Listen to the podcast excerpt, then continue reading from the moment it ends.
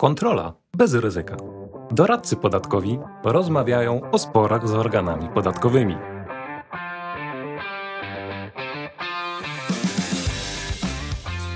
Dzień dobry Państwu, Wojciech Liś, doradca podatkowy. Andrzej Adwanwiński, doradca podatkowy, wykładowca akademicki. Kontynuujemy temat interpretacji indywidualnych. E, czas na e, bombę, na którą, e, do której się przygotowaliśmy, to znaczy sytuacje, w których interpretacja indywidualna powoduje, czy może powodować nagłą śmierć podatnika. Nie ma w tym dużo przesady. Myślę, że tutaj powiemy o dwóch obszarach. Pierwszy IP Box, drugi pytania o stawki zryczałtowanego podatku dochodowego. No, zdecydowanie. Zdecydowanie to są dwa tematy, które e, chyba nawet nie budzą e, wiele wątpliwości. E, jakieś wyraziłem zdanie i będę tej tezy bronił e, jak niepodległości, że dobrze napisany wniosek o interpretację z IP Boxa kończy się na sądzie administracyjnym. Nigdy wcześniej. Nigdy sam wniosek nie, nie kończy się sam z siebie pozytywną, e, pozytywną, pozytywną rozstrzygnięciem organu. No, chyba, że zmusi ich do tego sąd. Tak jest. O co chodzi z IP Boxem? Wiecie, no powiedzmy sobie szczerze, dla wielu zawił się z tego pomysł na biznes. I nie ma w tym oczywiście nic złego, dlatego że IP Box to jedna z najbardziej skomplikowanych ulg w naszym systemie podatkowym. To raczej niewiele ulg robi jej konkurencję. Myślę, że nawet jest bardziej złożona niż ulga e, B plus R, ulga badawczo-rozwojowa. I nie byłoby w tym nic złego, bo sam fiskus, wydając objaśnienia podatkowe do, słuchajcie, dwóch artykułów ustawy o podatku dochodowym, które łącznie zajmują tyle miejsca, wydał objaśnienia na ponad 60 stron, przy czym wskazał, no słuchajcie, kwestia programów komputerowych jest świeża, nie mamy definicji legalnych, to jest dynamiczny obszar podlegający szybkiemu rozwojowi technologicznemu, więc jeśli macie wątpliwości, fiskus powiedział, występujcie z wnioskami o interpretacje indywidualne. I pojawiało się sporo wniosków o interpretację, gdzie ludzie chcieli faktycznie zabezpieczyć wykładnie przepisów. Bo o co chodzi? Cały czas y, problem, główny problem tej ulgi poza problematycznymi, technicznymi kwestiami, kwestiami, czy pojawiają się prawa majątkowe, no, skupia się wokół tego w dużej mierze, tak tutaj beneficjentami zostali programiści, czy oprogramowanie, które wytwarzają, jest tym kwalifikowanym prawem własności intelektualnej, czy jest tym tworem, który popycha dziedzinę wiedzy naprzód. I początkowo wydawane interpretacje w części zadawały słuszne pytania. Tworzę oprogramowanie w taki i taki sposób. Oprogramowanie obejmuje takie i takie obszary, musi rozwiązać następujące problemy, no i w tym zakresie łączy istniejącą wiedzę w postaci języków programowania, technik, technologii, tworząc pewną nową jakość z perspektywy klienta, więc w ramach naszego przedsiębiorstwa też powstaje jakaś wartość, która dokłada cegiełkę do tego poziomu wiedzy programistycznej. Innymi słowy, no, bierzemy istniejące zasoby i wykorzystujemy je w nowy sposób. Tworzymy z nich coś nowego, coś lepszego, odróżniającego się na rynku. I gdzieś do 2000, wydaje mi się, początków 2020 roku organy podatkowe faktycznie w takich sytuacjach zastanawiały się, czy taki sposób wykorzystania języków programowania może zostać uznany za to kwalifikowane prawo własności intelektualnej. Natomiast w pewnym momencie takie interpretacje przestały być wydawane. Zaczęły się bardzo dziwne, bardzo głupie pytania uzupełniające, ale wielu osobom to nie przeszkodziło żeby uzyskiwać dalej pozytywne interpretacje. A wiecie, co było w tych pytaniach? Pojawiały się pytania od organu. Czy wnioskodawca tworzy kwalifikowane prawo własności intelektualnej? Jeżeli mówiłeś organie, ty masz to rozstrzygnąć. To organ mówił, a przepisy niepodatkowe, zmień wniosek inaczej odmówię ci wydania interpretacji. No ale dla części osób, dla których oznaczałoby to ukrócenie biznesu, pojawił się problem, pojawiło się rozwiązanie, zaczęli udzielać odpowiedzi, albo tak formułować wniosek, żeby te elementy oceny zawarły się w opisie stanu faktycznego. Wojciech, ty badałeś jakąś próbkę tych interpretacji. Ile do tej pory zdążyłeś przebadać? Mm, teraz już ponad 300. Ciągle nad tym pracuję, ale już jestem e, ponad, ponad 300 interpretacji samego IP Boxa i dotyczącego tylko oprogramowania, to już e, zdążyłem je przerobić, można powiedzieć. I ile z nich miało położony stan faktyczny, ale mówię o takim twardym położeniu, czyli zawierało już oceny w opisie stanu faktycznego? Generalnie, jeżeli chodzi o opis stanu faktycznego, myślę, że to było około 90 parę procent. Teraz nie pamiętam dokładnie statystyk, ale to jest ponad, ponad 90%, zdecydowanie. Nie? No i teraz pojawia się pytanie, to dlaczego ci ludzie jeszcze nie siedzą? Dlaczego nie są wydawane e, decyzje? No tutaj po pierwsze działa efekt skali. Jeśli zauważycie, ile zostało wydanych interpretacji z samego IP Boxa, to okaże się, że mamy tutaj już chyba 6 czy 7 tysięcy interpretacji w obrocie. No, mamy 380 chyba 4 urzędy skarbowe w kraju, więc średnio przypada nam kilkanaście interpretacji na urząd. I to urząd, który ma dużo roboty oprócz weryfikowania kwalifikowanych praw własności intelektualnej. Więc po części efekt skali sprawia, że nie każdy, kto zasługuje na kontrolę, może się tej kontroli doczekać. Po drugie, jesteśmy w obszarze skomplikowanej ulgi i też organy, widząc, że tutaj ucieka kasa, to się nie należy, póki co jeszcze nie bardzo wiedzą, jak się do tego zabrać, ale uważam, że to jest czasowe, dlatego że wiecie, gdzie też leżą problemy? Tak naprawdę nawet nie trzeba wdawać się w dyskusję co do tego, czy e, tworzę kwalifikowane prawo własności intelektualnej, ale jak przeglądałem te umowy, to większość ma taki gigantyczny, klasyczny błąd. Jest efektem stricte prawniczego, a nie podatkowego pisania. Mianowicie mamy postanowienie, w wynagrodzeniu opisanym w paragrafie punkt pierwszym zawarte jest również wynagrodzenie za przeniesienie autorskich praw majątkowych. Czyli umowa w żaden sposób nie wyodrębnia wynagrodzenia za transfer praw autorskich, a pamiętajcie, że nie twórcza praca jest opodatkowana preferencyjnie, ale przeniesienie praw autorskich majątkowych do wytworzonego oprogramowania. A umowy nie wskazują ani jakie wynagrodzenie jest należne za transfer, no i wtedy nie wiadomo, czy 80, czy 90, czy 10% jest należne za wykonanie dzieła w postaci oprogramowania, czy za wyświadczenie usługi. A jaka część przypada na wynagrodzenie za transfer autorskich praw majątkowych, bo to dwa odrębne wynagrodzenia.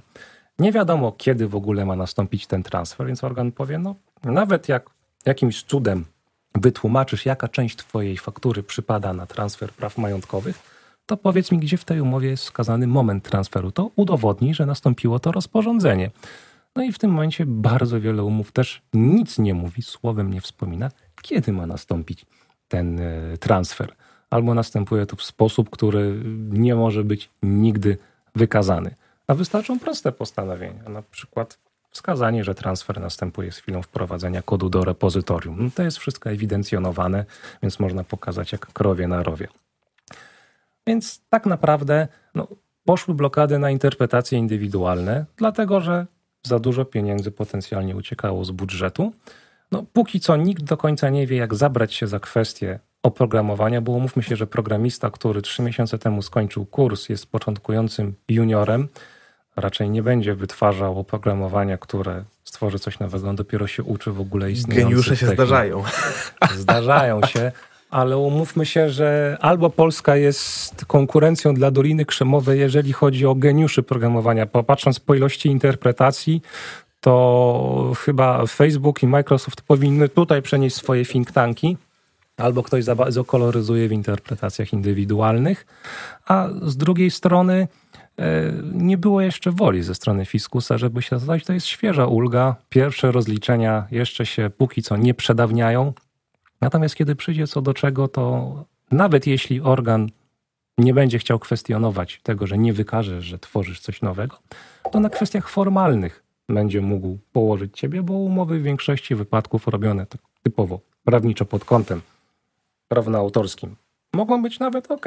Chociaż i tu, umówmy się, jest dużo wątpliwości, ale podatkowo te umowy niestety, ale są bezwartościowe. No i właśnie z perspektywy e, tej działalności organu, to tak jak e, rozmawiam z praktykami, którzy mieli do czynienia z na przykład z kontrolą czy z czynnościami sprawdzającymi w IP Boxie, to właśnie e, organ pyta właśnie o te kwestie formalne. Średnio ich interesuje faktycznie, czy to jest działalność badawczo-rozwojowa, a bardziej interesuje ich te warunki formalne, o których powiedziałeś, nie? czy faktycznie one zostały zachowane. No jeżeli nie zostały, no to mamy złe wieści, kontrola skończy się e, negatywnie. Nie? Więc, e, więc tak, to, tak to wygląda. Z perspektywy mm, organu podatkowego myślę, że nie wiem, czy mogę się do końca zgodzić, że to się ruszy kiedyś, jeżeli chodzi o kontrolę, dlatego że obecnie nie ma kadry, myślę, że urzędniczej do tego, żeby gdzieś tam to weryfikować e, zasadnie, chociaż myślę, że w przyszłości taki przykaz z góry raczej przyjdzie. W sensie ktoś w Ministerstwie Finansów, e, może na stanowisku głównego specjalisty, przypatrzy się temu, w jaki sposób skutecznie kontrolować IP Boxa, bo myślę, że mm, taki powiedzmy, e, taki dokument dałoby się stworzyć dla wszystkich urzędów skarbowych. No i pewnie, pewnie gdzieś tam w przyszłości e, może ktoś się za to zabierze. Tak, nikt nie powie, powołujmy biegłych z Narodowego Centrum Badań i Rozwoju, żeby oceniali teraz wartość intelektualną tego oprogramowania. Mówią, zacznijcie badać umowy, zacznijcie badać faktury, zacznijcie badać ewidencję i na tym będziecie w stanie wyłożyć większość osób. A raz, że interpretacje, które są położone, bo zawierają oceny, tego nie rozstrzygają, a dwa, że też nikt nie powie. No, dostałeś interpretację, ale pamiętaj, że oprócz tego, jeśli przyjdzie do ciebie pytanie z urzędu, będą chcieli zbadać umowę, będą chcieli zweryfikować sposób określania tego wynagrodzenia i może się okazać, że niestety, ale u ciebie nie będzie dobrych wieści. Oczywiście działa tutaj efekt skali, natomiast pamiętajmy, interpretacja IP Box oznacza, że powinieneś bardzo mocno przyjrzeć się swoim rozliczeniom podatkowym. Ale to nie jedyny obszar. Tutaj myślę, bardzo zawinił komercyjny aspekt, bo ktoś stwierdził, że to jest dobry biznes, którego nie można sobie pszuć za wszelką cenę. Bezpieczeństwo podatkowe klientów czy pochylanie się nad sprawą nie jest ważne, liczy się masówka. Ale mamy też problem dotyczący stawek ryczałtu. No, kto nie zastanawiał się nad stawką ryczałtu w podatku dochodowym, o niech pierwszy rzuci kamień. Problem numer jeden chyba przez pewien czas w, po Polskim Ładzie, e, jeżeli chodzi o, o zagadnienie dla doradców podatkowych. Nie? Tak mi się przynajmniej wydaje, bo tych, e, tych zapytań o stawkę ryczałtu, e, no ja przerabiałem akurat bardzo wiele. Nie? Wiem, że ty też. No, dla wielu ryczałt to było jedyne wyjście z Polskiego Ładu, szczególnie, że niektóre branże dostały dość duży prezent w postaci stawek obniżonych. Tutaj ponownie zostało mocno obłaskawione. IT też po to, żeby nie wchodzili w tego niecnego, złego IP boxa, który tylko się czai w krzakach i pyta się programisto, czy chcesz 5% podatku, tylko pojawiały się problemy dotyczące osób, które wcześniej świadczyły różnego rodzaju usługi albo pewne usługi o charakterze złożonym, kompleksowym. No i teraz nagle przy dociśnięciu składką zdrowotną chciały przejść na ryczałt. Na czym polega problem? Sama ustawa nie jest jakoś szczególnie rozbudowana, ale problemem jest klasyfikacja, dlatego że stawki ryczałtu opierają się na odpowiednich klasyfikacjach statystycznych, na polskiej klasyfikacji wyrobów i usług. No, to jest gigantyczna klasyfikacja z objaśnieniami, to ma prawie 600 stron. I teraz w tych 600 stronach spróbuj dobrać coś, co będzie dotyczyło opodatkowania usługi, na przykład tworzenia e, dokumentacji systemów IT e, dla banków. No, obstawiam, że ten klient chciałby 8,5. Wiesz co, tutaj akurat jak badałem temat, jako jeden z niewielu, miałby szansę na stawkę 8,5. Natomiast tak, mamy odwołanie do dość, no, powiedzmy, nieprzejrzystej i takiej mało jeszcze obeznanej przez e, wszystkich specjalistów klasyfikacji. Już pomijam fakt, że część osób, które zajmują się prowadzeniem ksiąg czy doradztwem, nie odróżniają PKWiU od PKD. To się zdarza, to prawda. Natomiast dużym grzechem jest pytanie się o stawkę ryczałtu. Wiecie, no, organ podatkowy nie jest od rozstrzygania o stawce ryczałtu. Ktoś powie, że to są przepisy podatkowe, to oni są od tego jak nikt inny.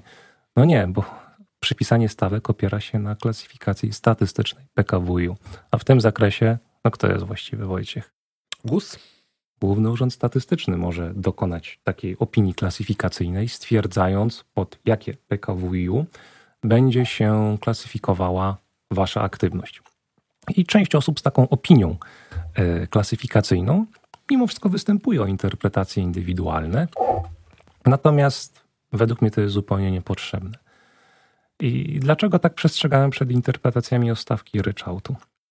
O miażdżącej ilości przypadków osoby, które występowały interpretację indywidualną, nie zasięgnęły wcześniej opinii GUS, ale w opisie stanu faktycznego zawierają opis, że zdaniem wnioskodawcy, w opisie stanu faktycznego zdaniem wnioskodawcy, jego aktywność powinna być klasyfikowana według grupowania 54, 12, 10 i 1.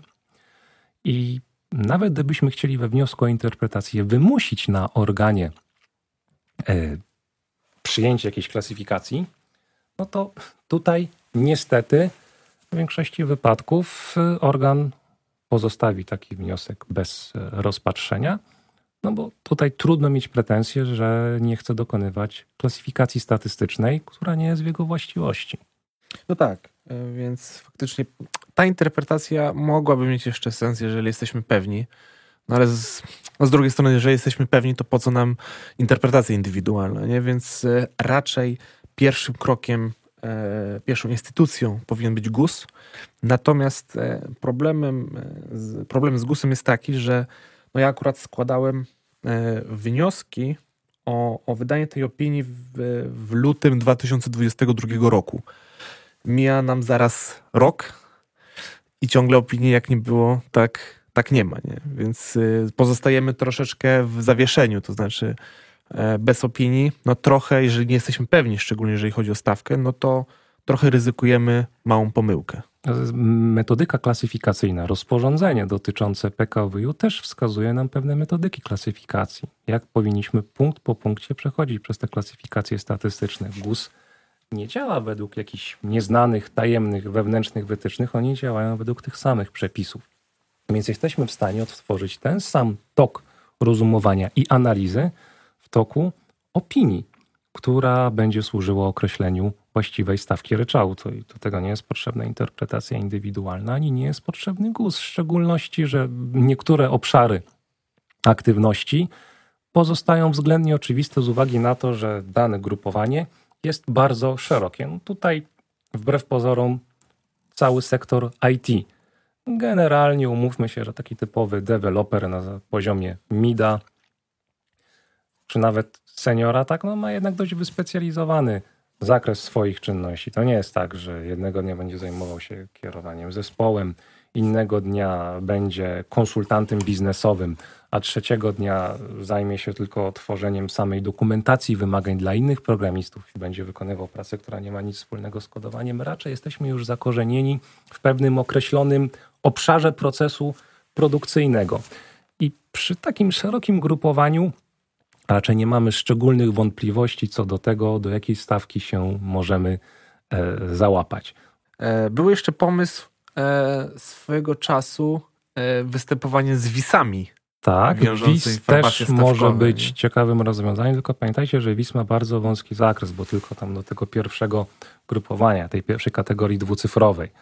A te grupowania PKWiU to nie są dwie cyferki, tylko tych cyferek jest dużo więcej. I pół biedy, jeżeli mamy grupowanie, na przykład dział 84 bodajże, usługi edukacyjne, to wtedy WIS to rozstrzygnie, dlatego że będzie przypisana nasza aktywność w drodze rozstrzygnięcia WIS do działu 84 i to jest dokładnie taki poziom precyzji, jaki jest wymagany przez ustawę. No, ale jeżeli będziemy chcieli zastanowić się, czy nasze czynności na przykład stanowią pośrednictwo w interesach, no to tutaj już wchodzimy w te najniższe poziomy grupowań i tutaj WIS nie pomoże, bo będziemy niestety mieli zbyt dużo niewiadomych po drodze. Będziemy mieli tylko określony dział, a nas będzie interesowała dana podgrupa, podklasa. Więc tutaj ponownie będzie praca dla no, dobrego doradcy podatkowego, który będzie umiał to przeanalizować i w oparciu o metodykę klasyfikacji oraz objaśnienia będzie w stanie powiedzieć: tak, u pana raczej bez większych wątpliwości będziemy mieli taką stawkę. Mi osobiście zdarzyła się dwa razy sytuacja, nie, w sumie raz, kiedy zastanawiałem się nad wystąpieniem do GUS-u, ale to był wyjątkowo endemiczny przypadek i dotyczył pewnych ogólnych usług o charakterze wsparcia administracyjnego, które były bardzo mocno na pograniczu takiego lekkiego marketingu. Ale to nie był też typowy marketing. Byliśmy w szarej strefie i balansowaliśmy między 15 a 8,5. I w tym momencie dużo było do wygrania, więc tutaj konieczne było wystąpienie o opinię klasyfikacyjną, bo było dużo do ugrania, a balansowaliśmy w szarym obszarze. Usługi były nietypowe, więc nie mogliśmy tego jednoznacznie rozstrzygnąć.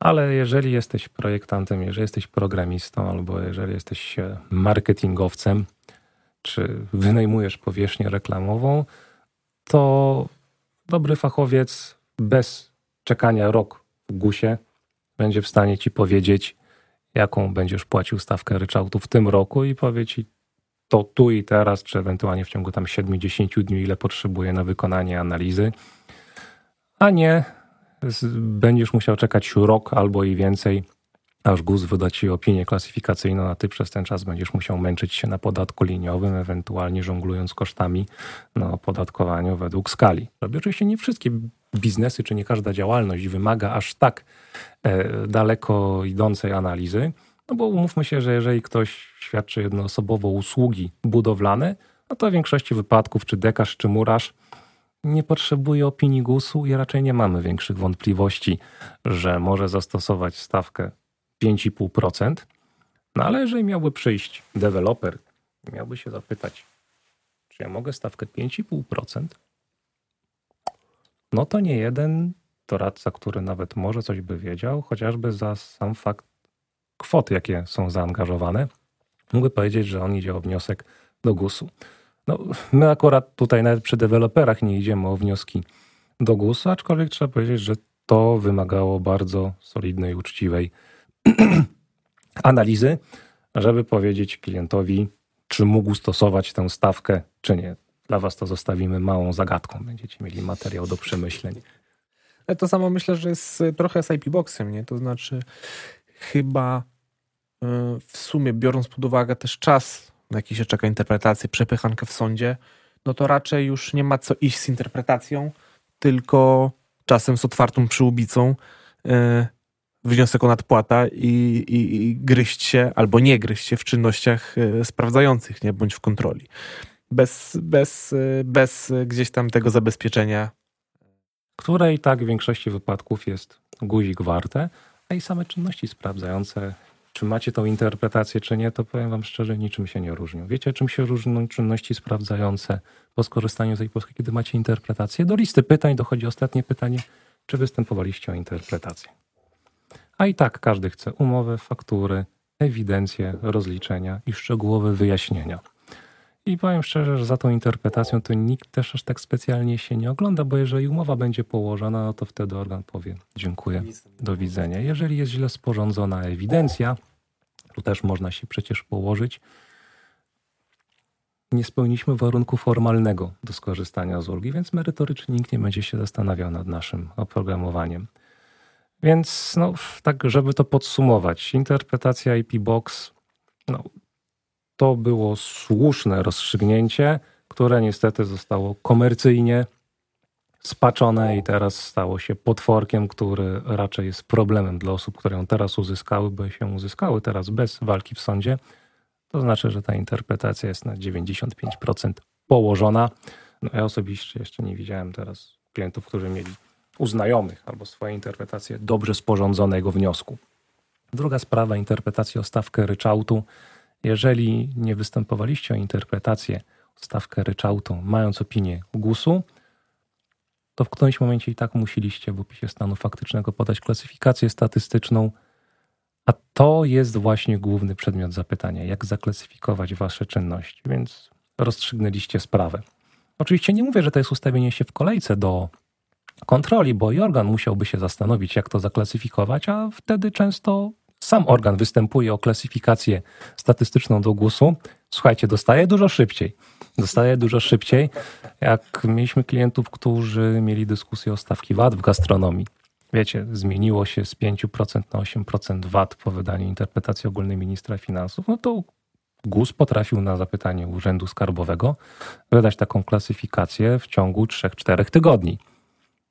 Ale wam nie doradzamy takiego sposobu uzyskiwania opinii statystycznych.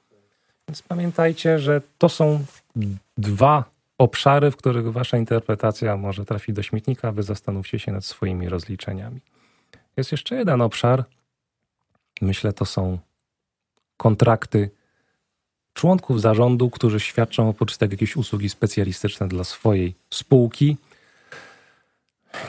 Jeżeli macie taki kontrakt, świadczycie takie usługi dla swojej spółki i postanowiliście wystąpić o interpretację, no powiem szczerze, dużo zdrowia życzę, bo odsłoniliście bardzo newralgiczne obszary swoich rozliczeń podatkowych przed organem.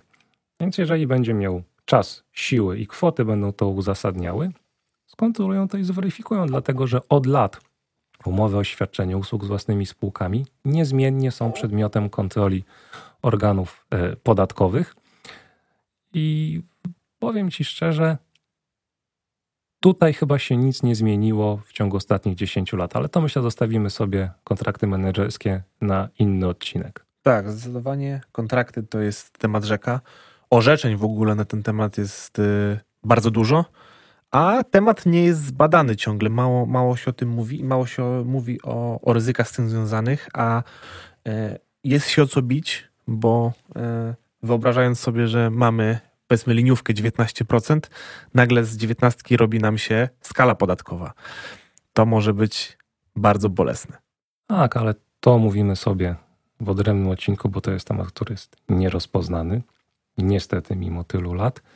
Natomiast myślę, że te dwie przestrogi, stawki ryczałtu i IP Box, no szczególnie teraz, na, w czasie, kiedy mamy moment na zastanowienie się nad stawką ryczałtu, no być może czekanie na opinię GUS-u nie jest najlepszą decyzją biznesową co do tego, jak wejść w kolejny rok podatkowy, jakie przyjąć e, rozliczenia. Tak? Może da się to też rozstrzygnąć szybciej, tylko musi się zapytać właściwą osobę.